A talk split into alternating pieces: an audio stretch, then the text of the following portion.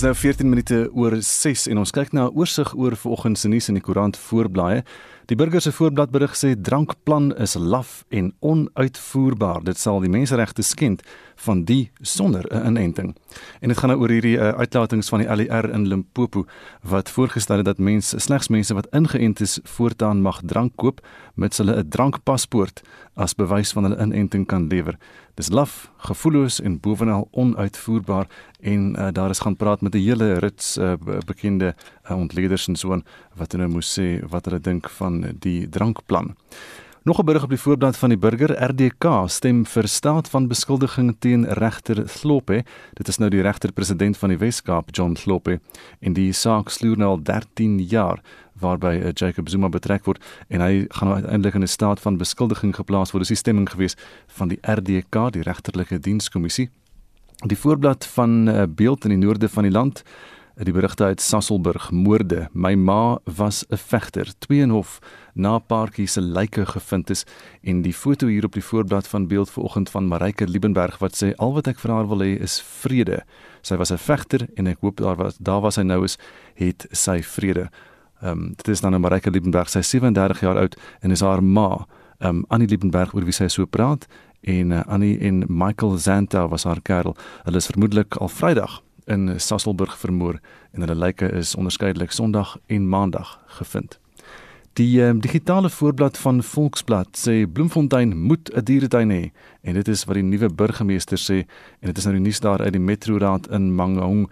Um, dit gaan oor die burgemeesterskomitee wat besluit het dat die dieretuin ontwikkeling in Kwaggafontein buite die stad nie voortgaan nie, maar die nuwe burgemeester sê nou Hokkai, die stad moet 'n dieretuin hê. En dit is nadat die dieretuin in Koningspark daar in die middel van die stad ehm um, toe nou so verwaarloos geraak het, dis 'n foto ook van die swembad daar wat so verwaarloos is, maar die nuwe burgemeester sê hy wil dan nou 'n dieretuin hê. Die voorblad van Business Day vanmôre berig ook oor regter-president John Slope van die Wes-Kaap uh, oor die 13 jaar oue saak nou al. Pieter Bruce skryf 'n rubriek aan John Steenhuisen vergeet van nasionalisme dis die ekonomie.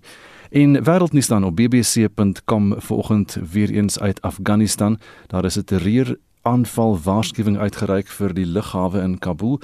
En Amerika, Australië en Brittanje het sy burgers en visumhouers aangeraai om nie na die lughawe te reis nie. Hier is ook 'n mediese studie, 'n proef wat gedoen is wat sê dat uh, malaria Mense wat siek word met malaria kan tot 70% verminder word en dit deur seisonale enstowwe en uh, medisyne wat miljoene jong lewens in Afrika kan red. En dit is dan net so vinnige oorsig oor vanoggend se nuus.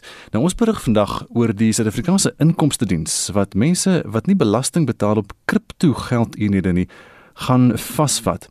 En ons vraag vanoggend aan jou is belê jy in die nuwe digitale geldeenhede of ken jy mense wat daarin belê? Is jy bereid om navorsing te doen om die nuwe eenheid te begin gebruik, ehm um, soos al die slim mense wat dit nou alreeds doen, of voel jy veilig met tradisionele maniere van belê? Jy kan met ons gesels vanmôre, jou mening deel en uh, saam praat oor kriptogeldeenhede, dit wat jy daarvan weet en dit wat jy daarvan wil leer. Jy kan 'n SMS vir ons stuur na 45889. Die SMS kos jou R1.50 elk. Jy kan ook jou mening met ons deel op ons Facebookblad, dis Monitor en Spectrum op RSG of stuur ons 'n WhatsApp stemnota maar stuur die uh, so teen 30 sekondes, nie langer as 30 sekondes nie. 'n Stemnota vir ons wat jy kan WhatsApp na 076 536 6961. Dis die WhatsApp nommer 076 536 6961.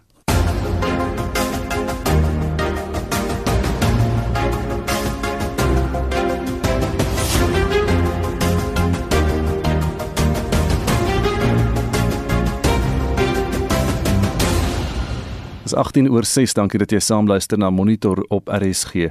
Onderrig is gister in Swartruggens in Noordwes ontwrig nadat inwoners en ANC-lede slaags geraak het met die polisie. Die R53 pad wat Swartruggens en Pella verbind, is deur die gemeenskap versper. Hulle beskuldig die ANC leierskap daarvan dat hulle die kandidaatelys vir raadslede verander het. Hulle eis dat die lys hersien word. Vincent Mofokeng doen verslag. Woedende inwoners en ANC-lede van die Borrelelo woonbuurt het slags geraak met die polisie toe die polisie probeer het om die betogers uiteen te jaag. Die gemeenskap eis dat die ANC se tussentydse provinsiale komitee sy besluit om 'n voorkeurkandidaate van die party se kandidaatelys vir raadslede af te verwyder om te keer. 'n ANC-lid in die gebied, Bani Ramadimela, sê die kandidaatelys is verander sonder om die gemeenskap te raadpleeg. We are not happy with what the ANC IPC is doing. They are changing the list as they wish. They are just chopping and changing without even cons consulting us. We have elected our candidates, what candidates for what one and what two. Uh, for what two, it was Comrade Susana Henny. For what one, it was Comrade Potso Mokone. But the person who got the least votes is the one on the final list to be submitted for, on, the, on the IEC roll, which is completely wrong. We are not going to be led by people who were imposed on us. Die woordvoerder van die ANC se tussentydse provinsiale komitee in Noordwes, Kenny Morolong, sê hulle ondersoek die aantuigings. This process had to be based on the will of the people. We however know that there are concerns raised by different communities in the Northwest province to the effect that the list may have been altered and certain names may have been removed. Well, one of the things that the National Executive Committee of the ANC indicated in its statement was that those who are found to be in the wrong would be referred to the disciplinary processes. We wish to urge our communities to exercise patience and allow this process of investigation to ensue without hindrances. Inwoners sê hulle sal hulle betoging voortsit totdat diegene wat volgens hulle die regmatige benoemdes is op die lys geplaas word. Die verslag van Sentleng Lihihi in Sylvester Serame in Swartruggens. Ek is Vincent Mufokeng vir SAK nuus.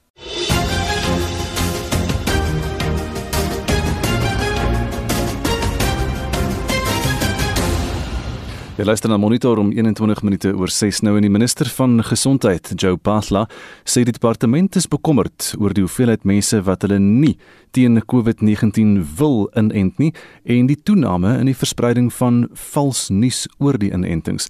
Pasla en ander senior beamptes van die departement het gister voor die parlementêre portefeulje komitee oor gesondheid verskyn om inligting te verskaf oor die COVID-19 inentingsprogram. Die minister sê vals inligting oor die inentings is 'n groot uitdaging. Celine Merrington het meer. Die land het tot dusver 11 miljoen dosisse enstof toegedien. Net meer as 8 miljoen mense is reeds ingeënt. Die gesondheidsminister Joe Pagla sê 276 000 is die hoogste aantal dosisse wat in een dag toegedien is. Terwyl die syfers belovend lyk, is die departement bekommerd oor fopnuus en teen-inentingsveldtogte. We are aware that we do have a challenge in terms of fake news, especially in the social media. We also have an increased circulation of this from the anti vaccination campaigners. So we are quite conscious of this that we need to improve our capacity to communicate better. So that's really our challenge because we still have a huge a target of saying by the end of the year, at least if we could reach 60%, if possible 70% of the adult population. So that's what we are aspiring to. Die gesondheidsdepartement sê hulle probeer om die kommunikasie rondom inentings te verskerp. Die adjunkdirekteur-generaal Nicholas Crisp sê hulle sal van tradisionele en sosiale media gebruik maak om mense ingeënt te kry. So if we are not always able to move whole big vaccination stations, but there are still communities for whom it is difficult to get to the vaccination station. So we are looking at a means, together with some sponsors, to transport people to vaccination sites and back home again. But there are some home based vaccination programs, particularly for people with disabilities and elderly who are really unable to move around. There's more of a district based promotion taking place. We've learned from the more rural provinces that using community health workers more effectively Of course, we've worked to try and build the weekend programs, and it's extremely difficult uh, because of staffing and a, and a range of access issues over weekends. But there are now a number of weekend vaccination sites, particularly in the more highly densely populated areas. Parlementslede soos Wiewek Garube, Philip van Staden en Naledi Chirwa sê beter kommunikasie is nou baie belangrik. Both the minister and his team can perhaps, you know, admits that communication and particularly community outreach in this stage of the vaccine rollout has been less than ideal. Mean, while there are some commendable uh, sort of campaigns that will be rolled out, including the very good transport initiative, the reality is that it seems to me it has been a little bit delayed. And this is something that we should have started and began with right at the beginning. Uh, we need to hunt down this virus. I think at this stage, and this suggestion that mobile clinics should be also be implemented to help in this matter. And I think at this stage, communication is a big problem from government side, and my colleague just touched on it. I think at this stage it's not up to standard and that there is a lack of budget at this moment. And this was also confirmed in the Sunday Times report a few weeks back. And certainly Digital Vibe certainly has taken its toll in this matter. More must be done. Firstly, I want to speak on the issue of, of vaccine hesitancy. I feel there isn't enough admission by the NTOH that it also by a great margin fall squarely on their feet. Because part and parcel of vaccine hesitancy is issues of trust is an issue of a weak communication strategy. There isn't enough being done reaching people at their point of living and not just at taxi ranks. I mean if you put up posters at taxi ranks with our unemployment rate you're only speaking to people who use taxis. So there has to be committed effort to reach people in their immediate communities. And that is not yet being done by the department. Dit was EFF lid Naledi Chirwa, Zelin Merrington, Parlement. Jy luister na Monitor nou plaaslike museums en erfenis gedenkwaardighede trek swaar onder die COVID-19 pandemie omdat al hoe minder mense die persele besoek. Een so museum is die voormalige eerste minister JG Strydom se huis in Modimolle in Limpopo. Die Erfenisstigting by die Voortrekker Monument het ingetree en die inhoud van die huismuseum opgepak en na Pretoria geneem vir bewaring. Lila Magnus sê die huismuseum besoek en hierdie verslag saamgestel met klank van Strydom se verkiesing as eerste minister. This is Movietone. Lionel Gamlin reporting. Advokaat J.G. Strydom was die 5de eerste minister van die Unie van Suid-Afrika gedurende 1954 en 1958. Tydens sy termyn is bruin mense van die kiesersrol verwyder en het hy die fundament gelê vir republiekwording. The majority were in favor of Mr. Stradom as South Africa's fifth prime minister. Johannes Stradom, who is 61, has the reputation of being an extreme Afrikaner nationalist. Indeed, he's reported as saying that the union must one day become a republic. Sy huis in Modimolle is in 1976 tot monument verklaar en later tot 'n nasionale gedenkwaardigheid. Vandag is die statige huis amper 'n bouval. Die plafonne het ingeval, dik laas stof lê op alles, van die slingertelefoon met die landswapen op tot strydom se tikmasjien. 'n Mat van voelmis bedek die houtblokkies vloer. Die burgemeester van Modimolle, Marlene van Staden, het die erfenisstigting genader om die huisraad te verwyder en te bewaar. Ek dink aan die een kant is ons verskriklik hartseer om te weet dat die museum gaan skuif, maar in ons harte is ons bly dat die items wat tans in die museum is bewaar gaan word en mooi gekyk gaan na word. En ons is regtig besig met 'n aantal organisasies insluitende die departement van publieke werke wat die eienaar van die grond en die gebou is om te kyk of ons nie die museum tot sy volle reg kan laat restoreer en hopelik een van die dae weer sy deure kan laat oopmaak nie. Die direkteur van museums in Limpopo, Dirk de Wit, sê die restaurasieproses gaan nie maklik wees nie. Nou die gebou self val onder uh die departement van openbare werke. Hulle is uh, bewus van die issue hierso. So ons sal nou vorentoe moet 'n strategie met uitwerk. Fondse in die hande kry. Geld is 'n wesenlike probleem. Nou, Veral met COVID. Ons begrotings is gesny en gekanaliseer na die COVID 'n saak toe. Die lot van die JG Strydom Huismuseum tydens die COVID-19 pandemie is nie uniek nie, sê die waarnemende hoofuitvoerende beampte van die Nasionale Erfenisraad, Maura Khomu Mabe. Because if nobody comes, how will you get revenue? So it's a serious challenge and I'm telling you in some of the cases, you know, those museums are about to close. Sy sê alle Suid-Afrikaners moet veg om die land se diverse erfenis te bewaar. It informs our future generations. What happened in the past and that they must also cherish their heritage because if we don't do that, they will not know where they come from, and it's important to know your roots. Mabe het mense aangemoedig om hul plaaslike museums en erfenisgedenkwaardighede tydens die komende erfenismaand te besoek. Ek is Lila Magnus vir SAIK nuus in Pretoria. Nou gaan kyk gerus na fotos van die voormalige eerste minister JG Strydom se huismuseum wat die afgelope paar jaar vervalle geraak het op ons Facebookblad.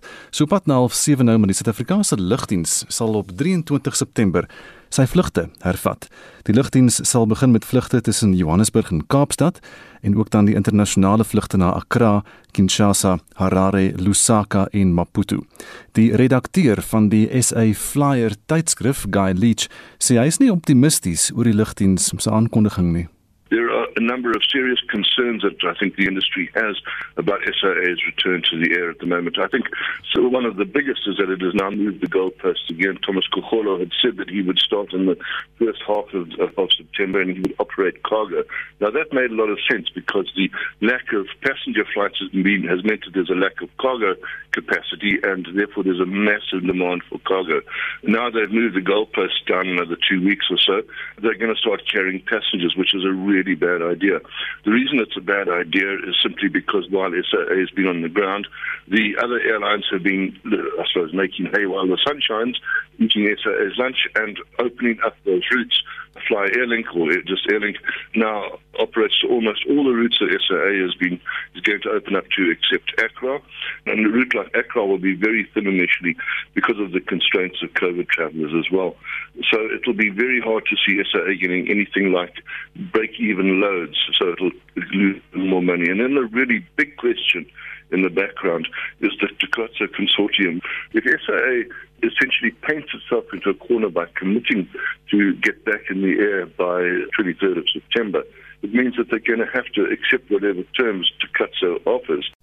Die redakteur daarvan die SA Flyer tydskrif Guy Leach.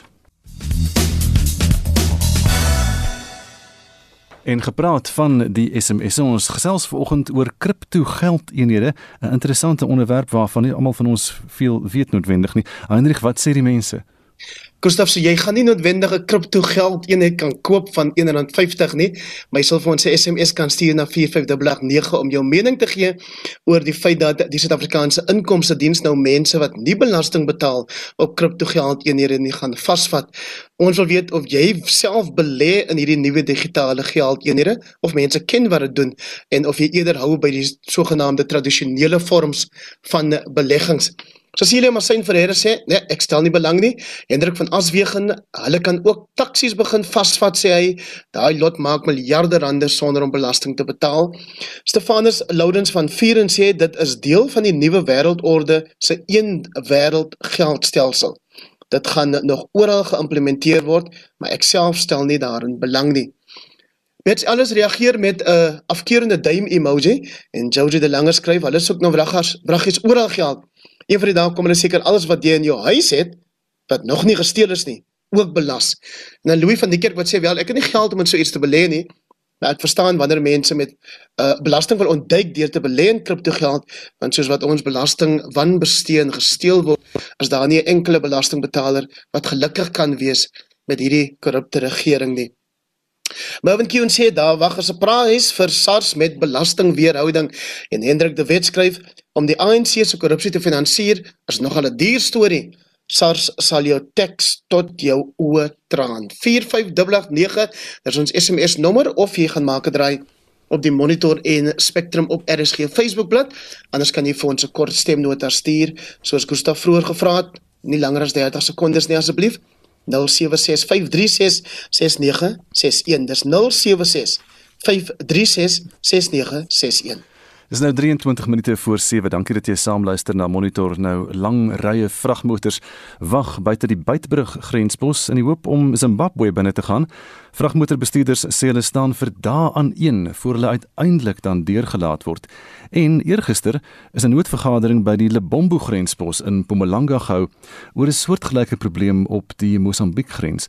Nou vragmotorbestuurders het maandag die pad na die grens versper en kla ook oor die lang wagtydperke voor hulle nou die grens kan oorsteek.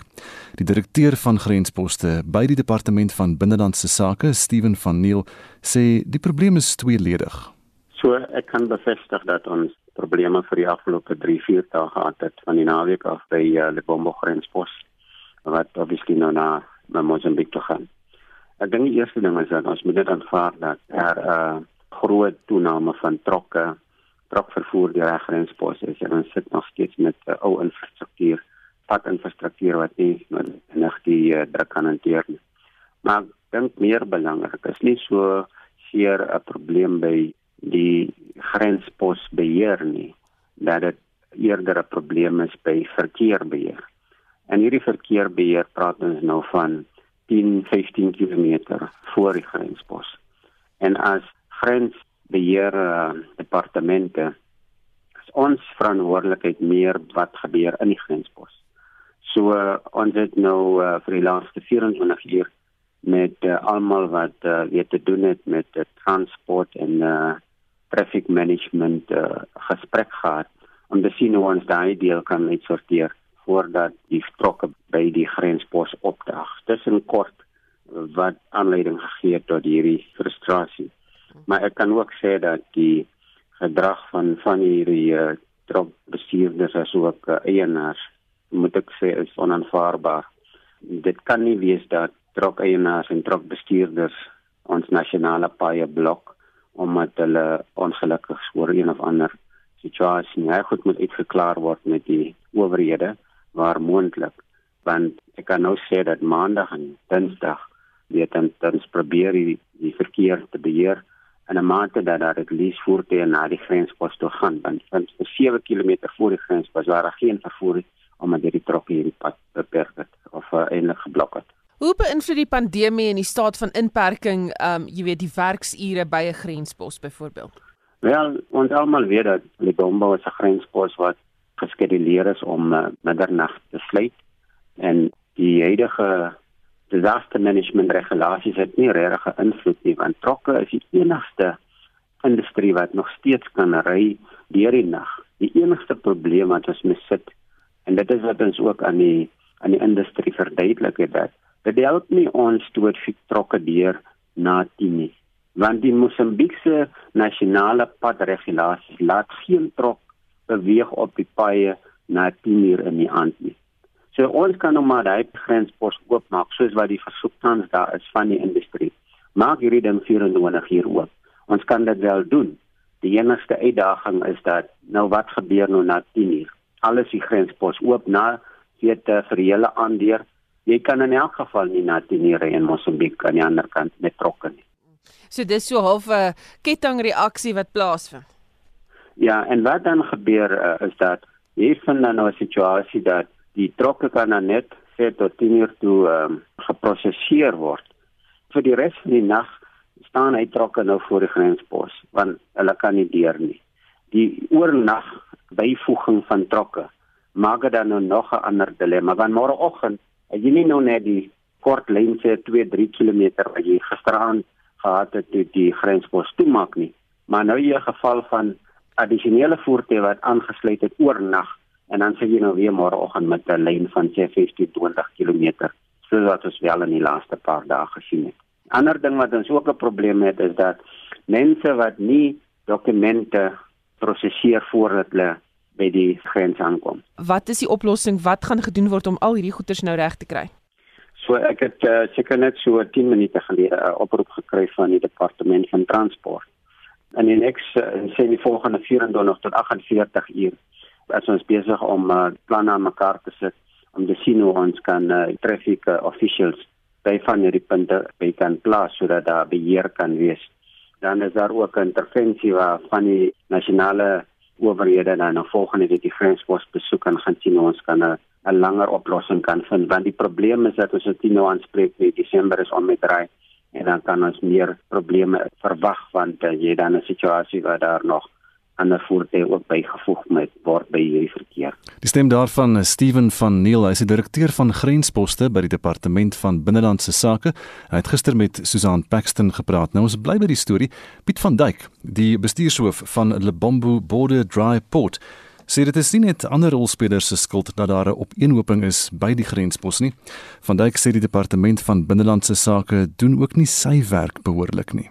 Ja, dit is maar 'n situasie wanneer mense probeer om 'n boerewors deur die oog van 'n naald te kry dat jy daai tipe van chaos veroorsaak en dit is maar die huidige situasie ten opsigte van die groot volume van verkeer hoofsaaklik verkeer wat na die hawe toe gaan as gevolg van die goeie kommoditeitspryse wat heiliglik in die wêreldmark te heers. So wat doodgewoon gebeur het is dat eh as gevolg van die ure en die personeel wat sekerlik nou nie almal by die grenspos mag werk nie as gevolg van Covid, het dit nou maar stadiger gegaan as wat dit normaalweg sou gaan.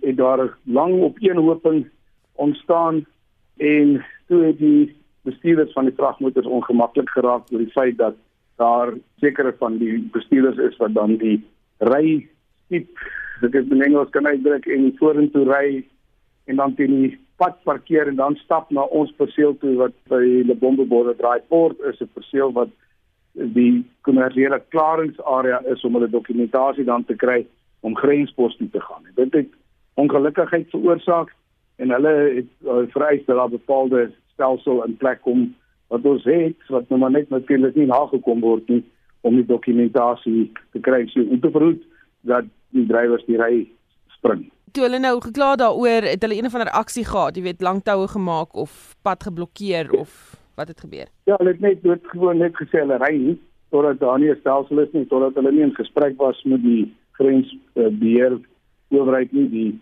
grenspos bestuurspan het eers in die middel van die dag hierna 2 hier uitgekom nadat ek alreeds vroegoggend 8uur toe hulle versoek het om asseblief net te kom luister sodat ons 'n stelsel kan wat daar is uh, net weer implementeer en dan dat hulle net kan help om die integriteit van die stelsel te ondersteun en seker te maak dat as daar voertuie by die grens aankom wat duidelik nie by die proses gehou het nie terugverwys moet word sodat ouens gou kan leer daar is 'n proses moet dit nie probeer omseil nie. Polisie doen hulle niks nie aan nie reguleer nie die verkeer daar of so nie. Wel, provinsiale verkeer is eintlik afwesig. Naweke werk hulle glad nie. Klaar blyklike begrotingsprobleem en dat moet ons ook nou nog sien die RTA, dit is die Cross Border Road Transport Agency wat ook nie noodwendige bystand lewer wat kan help om hierdie tipe van dissipline op die pad te hanteer nie. En ons het hier in Komasi munisipaliteit se verkeersafdeling ook wat skitter in hulle afwesigheid. So jy weet en dit is 'n algemene tendens die padgebruikers op die N4 op hierdie deel van die pad sal baie gou vir jou sê dat die verkeersbeamptes is baie meer geïnteresseerd in enige voertuig wat 'n Mosambiekse nommerplaat het as wat hy sal kyk om paar voertuie te beheer wat hulle nie probleem skep en uh die reëls nakom. Die departement het julle al met hulle geskakel oor die probleem? Ja, verskeie vergaderings gehad. Ons het met die rolspelers by die grenspos vergadering gehad. Maar soos aan die hele probleem kan opgelos word, soos dit in Engels uitgedruk word, by the stroke of a pen. As die staat instansies, dit is immigrasie en uh, douane en aksies SARS, word eenvoudig met hulle oorgrens counterparts gaan gesels en in my boeke is dit 'n kort vergadering wat net gaan moet bepaal, kerels, het julle genoeg personeel om 24 uur aan te gaan? Ja of nee? As ons nie het nie, maak ons 'n plan, kom ons kry hulle, kom ons maak die grens langer oop dis nie die beste tyd om dit nou te doen want toerisme kan nie beweeg nie. So 10 uur die aand is die grenspos in elk geval toe vir toeriste om te beweeg. Hulle maak intedeel die grenspos al 9 uur toe sodat daar nie onnodige verkeer op die paai is nie dat almal betyds met die curfew betyds by die uh, huis kan wees. So aanklok reël is daar om die geleentheid te gee om die voertuie wat net na die hawe toe gaan 24 uur deur te kry. Dit gebeur doodgewoon. Daar is 3 presidente wat elke keer nadat hy ingehuldig is, beloof het, nou gaan die grenspos 24 uur oopkom. Ek is 20 jaar in hierdie bedryf besig met hierdie prosesse, dit gebeur doodgewoon. En dit is die stem van Piet van Duyk, hy is bestuurshoof van Lebombo Border Dry Port en Susan Paxton het daardie onderhoud met hom gevoer. 14 minute voor 7 jy's by Monitor nou 'n Suid-Afrikaanse wildbewaarder, David Bradfield, was vanaf 2008 tot en met 2018 'n lang tyd in Afghanistan waar hy vir die Amerikaanse Wildlife Conservation Society gewerk het. Nou as deel van hierdie werk was hy betrokke by die skep van twee nasionale parke in die land asook die opleiding van die land se eerste vroue wildbewaarders en ons praat dan vanoggend met hom oor sy ervarings daar. David, goeiemôre. Gustaf, goeiemôre en goeiemôre aan julle luisteraars. So julle was die enigste natuurbewaringsgroep in Afghanistan. Hoe het dit gebeur dat jy daar beland het? Ons was, ons was Gustaf en uh, ek was in uh, Cambodia gewees, uh, langs Vietnam. Ons was besig om hulle nasionale park te stig daar en en en met die jy weet wil te soek so stiere en en en die die Java renosters daar so in uh, the Wildlife Conservation Society van Amerika het toe saam met die Amerikaners gewerk en besef hulle moet Afghanistan toe gaan om te kyk of daar nog sneeuleipers oor was.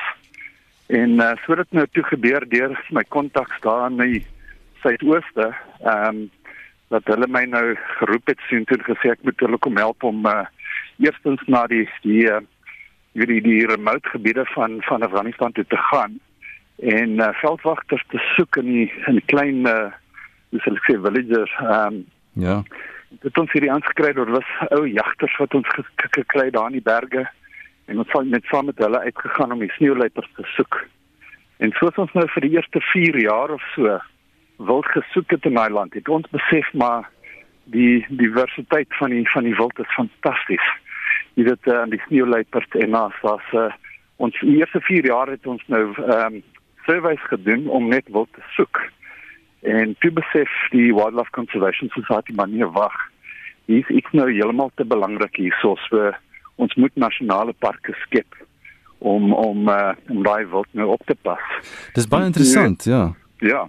En om te dink dat uh, gewoonlik as mens nou dink aan 'n plek wat konflikgetuister is waar daar so baie geweld is, word dan nie vreeslik aandag noodwendig aan die diere gegee nie. Hoeveel sneeuluiperds het julle gekry? Hoeveel is daar nog in Afghanistan?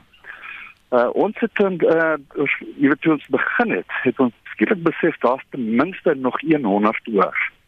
En uh ons het sewe van hulle het ons uh eintlik gevang en en uh, hierdie uh, collars op hulle op hulle nekke gesit sodat ons hulle met satelliete kon kon kon uh, kon trek, jy weet.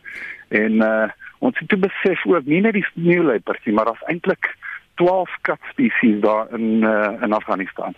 Ehm um, en dis ook die die Persian leopard en dan ook die um, desert cheetah en dan 'n hele klomp anders as jy nou dink Afrika het maar net 11, jy weet, ehm um, die sub subkontinent van Afrika. Afghanistan alleen met 12 wilde kat spesies. So dit is ja. definitief moeite werd. Verduidelik gou vir ons eh, waar woon hulle in Afghanistan hierdie katte waarvan jy praat? Is dit in die, is dit in die berge? Dis heeltemal in die berge. Kyk, dis uh, dis maar hoog op in die berge. Ons praat nou van tussen 3 en 5000 meter. Uh so mense het maar 'n bietjie gesukkel om asem te haal daarso. Dis geweldige uh, hoë berge tussen uh, tussen Pakistan en Afghanistan as jy vir ons so kan 'n prentjie skets. Nou daai daai berge is ja, is baie hoog en onder bergsaam. Dit is dit is so 'n Capri strip tipe ding in Afghanistan in die noordooste wat Tajikistan in die noorde is en dan Pakistan in die suide en in die puntjie in die ooste is daar teen China. Hmm. So dis daai hele streek van so 3-400 km lank wat nou nou heeltemal 'n nasionale park is. En hoe het julle te werk gegaan om om hierdie nasionale parke te te skep? Kyk, die Amerikaners was uh, baie baie generous as ek so mag sê. Ehm um, hulle het hulle het ons hier het ons die geld gegee, hulle het ons die vermoë gegee deur transport. Ons het met hulle helikopters gevlieg. Uh die so, uh, Amerikaanse militêre ouens het ons vrek baie geld met hulle helikopters wat ons daar in die berge invat en uh, ons het land cruisers gehuur by die mense in in, in die villages en die dorpe en uh, dan selfs met perde en donkies en kameelperde daar in die berge ingegaan. So aanhoudend het die Amerikaners ehm um, heeltemal deur die deur hulle ambassadors en daar in Kabul het ons aanhoudend gehelp met uh, permitte en al daai tipe goed. Behalwe nou vir die sneeuleopards, watse diere kan 'n mens almal in daardie nasionale parke vind? Uh Gustav, jy sal amper nie glo nie, nee, daar's al die voorvaders van ons skape en bokke in Suid-Afrika. Hulle voorvaders loop nog wild daarso. Ehm um, dis die Marco Polo wild sheep, die grootste ehm um, horingskaap in die, in die wêreld. Ons het troppe van so 150 gesien, 170. Hele klomp van hulle daar bo in die noordooste. Uh die Uriel wild sheep wat lyk presies soos 'n merino skaap wat hier nie ons bekend is. En uh die margor wat die voorvader is van die angora bok en dan ook die ibex wat die natuurlik die voorvader is van die van die boerbok. Hulle loop nog almal wild daar, so heeltemal wild. Jy weet, dit is uh, in daai berge, in daai klowe en uh so heeltemal wild. En dan ook dan ja. die, die breinbeer en dan oh. die uh, sanbeer is in die ooste ook.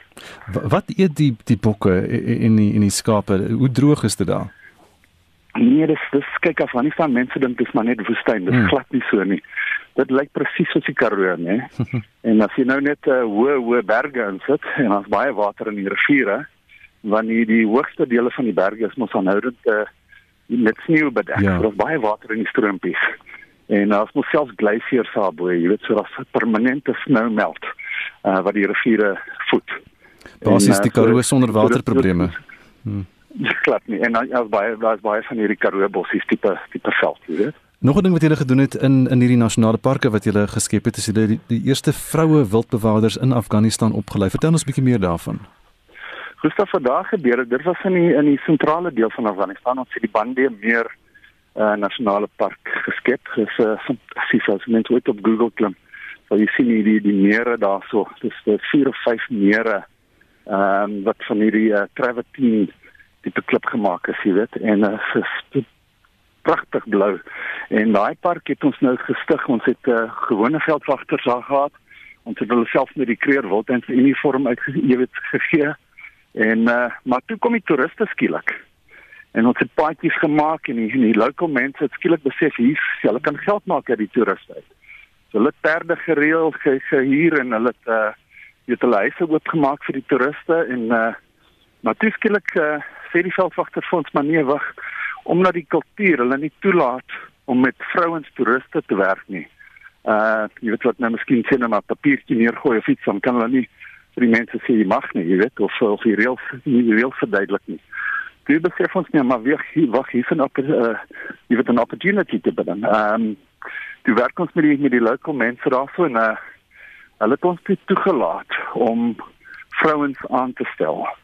En jy kan net dink ons het 'n bietjie gesukkel met die uniform in die begin, maar toe steel ons 'n bietjie van uh, een van die airlines hier so in Saudi-Arabië se kant toe. En uh, ons het hulle opgelei. En uh, dit was toe Afghanistan se eerste vrouens veldwagters wat ons daar opgelei het. En uh, selfe klere as die kreer word en se se uniform. So hulle het uh, jy weet hulle was fantasties dit was reg want dit dit dit was ook 'n goeie nuus storie vir die Amerikaners jy weet. So hulle het ons baie baie ehm um, hoe kan ek sê support daar sê ja ja ons moet klaar maak maar ek wil vinnig vir jou vra wat is jou indrukke van die Afghane as as mense? Ons hoor heeltyd nou deesdae dat die meeste van die bevolking in die land is is na 2001 gebore is is meestal jong mense daar. Hulle hulle is nie uh, kyk as as baie baie mense ook maar as jy dit dink nee minder as 1% van van die Afghaanse mense is uh is, is Taliban ek sou sê en uh die meeste van hulle is nie So dis nou 'n helse skok vir hulle, maar daai die meeste van die Afghaanse mense is fantasties vriendelik. Hulle is ehm um, absolutely jy weet hulle verwelkom mense daar in hulle dorpe in en uh, in hulle huise in en hulle, hulle you know they protect me constantly. Die hele tyd het hulle hulle my baie goed opgepas. Ehm um, so dis dis 'n dis 'n kultuur dan. Jy weet soos dat dat as jy nou in hulle huis is, dan maak nie saak wat gebeur nie. Hulle moet jou eers oppas. Jy weet so hulle het my goed kos gegee en komberse en goed opgepas en uh vervoer en alles. Jy weet in baie fantastiese mense. They hmm. really are absolutely genuinely warm-hearted people. David baie dankie vir jou storie vanmôre. Suid-Afrikaanse wildbewaarder David Bradfield wat vir 10 jaar lank in Afghanistan daar as 'n wildbewaarder gewerk het en daar die nasionale parke gestig het. Kom ons hoor wat jy te sê het oor die kriptogeldeenhede. Met die vermindering van die randwaarde is ek glad nie verbaas en verstom om te verneem dat beleggings in kriptogeldeenhede gaan toeneem nie. Ek dink dit gaan 'n groot groot mark word. Marissa hierso. Ek en my man het so week terug bietjie geldjies in die cryptocurrency gaan belê. Ek moet sê ons is baie verbaas oor die rente wat 'n mens verdien. Die enigste ding is jy moet daagliks basies betrokke raak en kyk hoe die goedjies groei en die goeders oorplaas en uitbank en inbank en so dit vat bietjie moeite, maar in 'n week se tyd het ons 4.500 rand rente gegroei wat ongehoord van is. Goeiemôre Willem, hierso van die Sonnaasriviervallei. Ek weet genoeg van die cryptocurrency om dit nie te doen nie. Dis maar al wat ek wil deel. Ek dink nie dit is die pad vorentoe nie. Want hoe meer ou leer, hoe minder weet jy daarvan van die waarlike werking daarvan. Bly ingeskakel by Monitor net na 7 vanoggend praat ons oor die bruto binnelandse produk, die herberaming daarvan en die groei dan van 11% van die BBP. Maar nou is dit eers 7 uur en is nuustyd. Hier is Anne Marie.